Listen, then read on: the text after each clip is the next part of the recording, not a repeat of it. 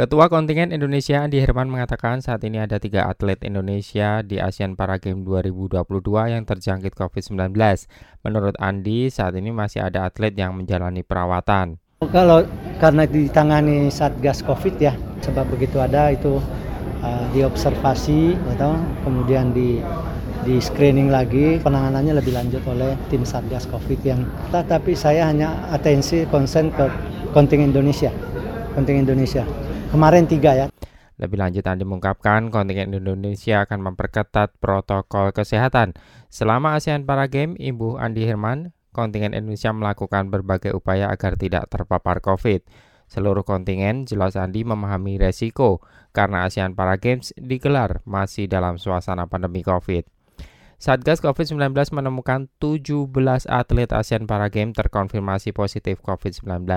Juru bicara Satgas COVID-19 di Solo, Dr. Siti Wahyuningsi mengatakan 17 atlet itu berasal dari 7 negara peserta ASEAN Para Games 2022 ini.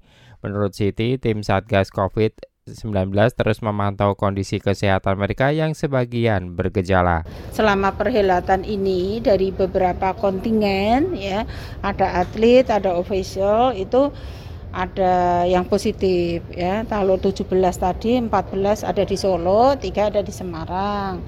Kenapa Solo banyak? Nah, venue-nya banyak ya, venue-nya kan di Solo banyak.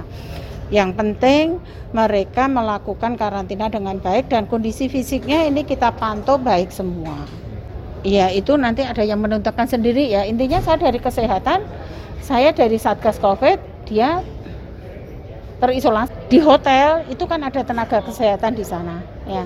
Jadi ini dari panitia ASEAN Para Games dan e, diperkuat oleh tim-tim dalam pelaksanaan. Para atlet yang terpapar COVID ini menjalani karantina dan mendapat pemantauan kesehatan dari tim Satgas COVID-19.